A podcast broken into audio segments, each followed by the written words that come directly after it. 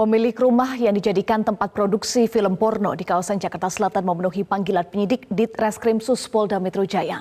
Ia mengaku murka rumahnya dijadikan tempat pembuatan film porno. 12 orang saksi telah diperiksa dalam kasus ini. Pemilik rumah yang dijadikan tempat produksi film porno Muhammad Karisma dicecar 40 pertanyaan oleh penyidik seputar awal perkenalannya dengan tersangka berinisial IR dan sejak kapan rumahnya disewa.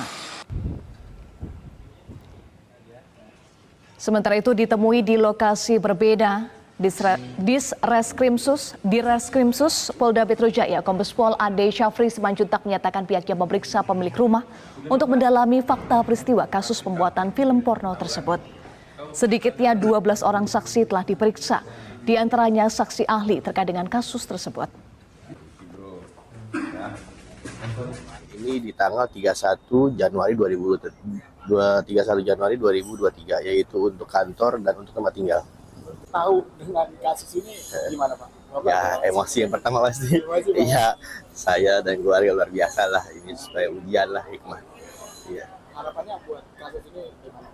Ya untuk cepat selesai gitu dan untuk ya saudara yang tersangka ya agar cepat bertobat. Kita melakukan pemeriksaan terkait dengan keterangan bahwa eh, benar eh, tersangka ini eh, menyewa rumah dimaksud. Eh, kita ingin menguak lebih dalam terkait dengan eh, fakta peristiwa yang terjadi di sana. Sudah ada 12 orang yang kita lakukan pemeriksaan, termasuk eh, pemeriksaan terhadap Jelajahi cara baru mendapatkan informasi. Download Metro TV Extend sekarang.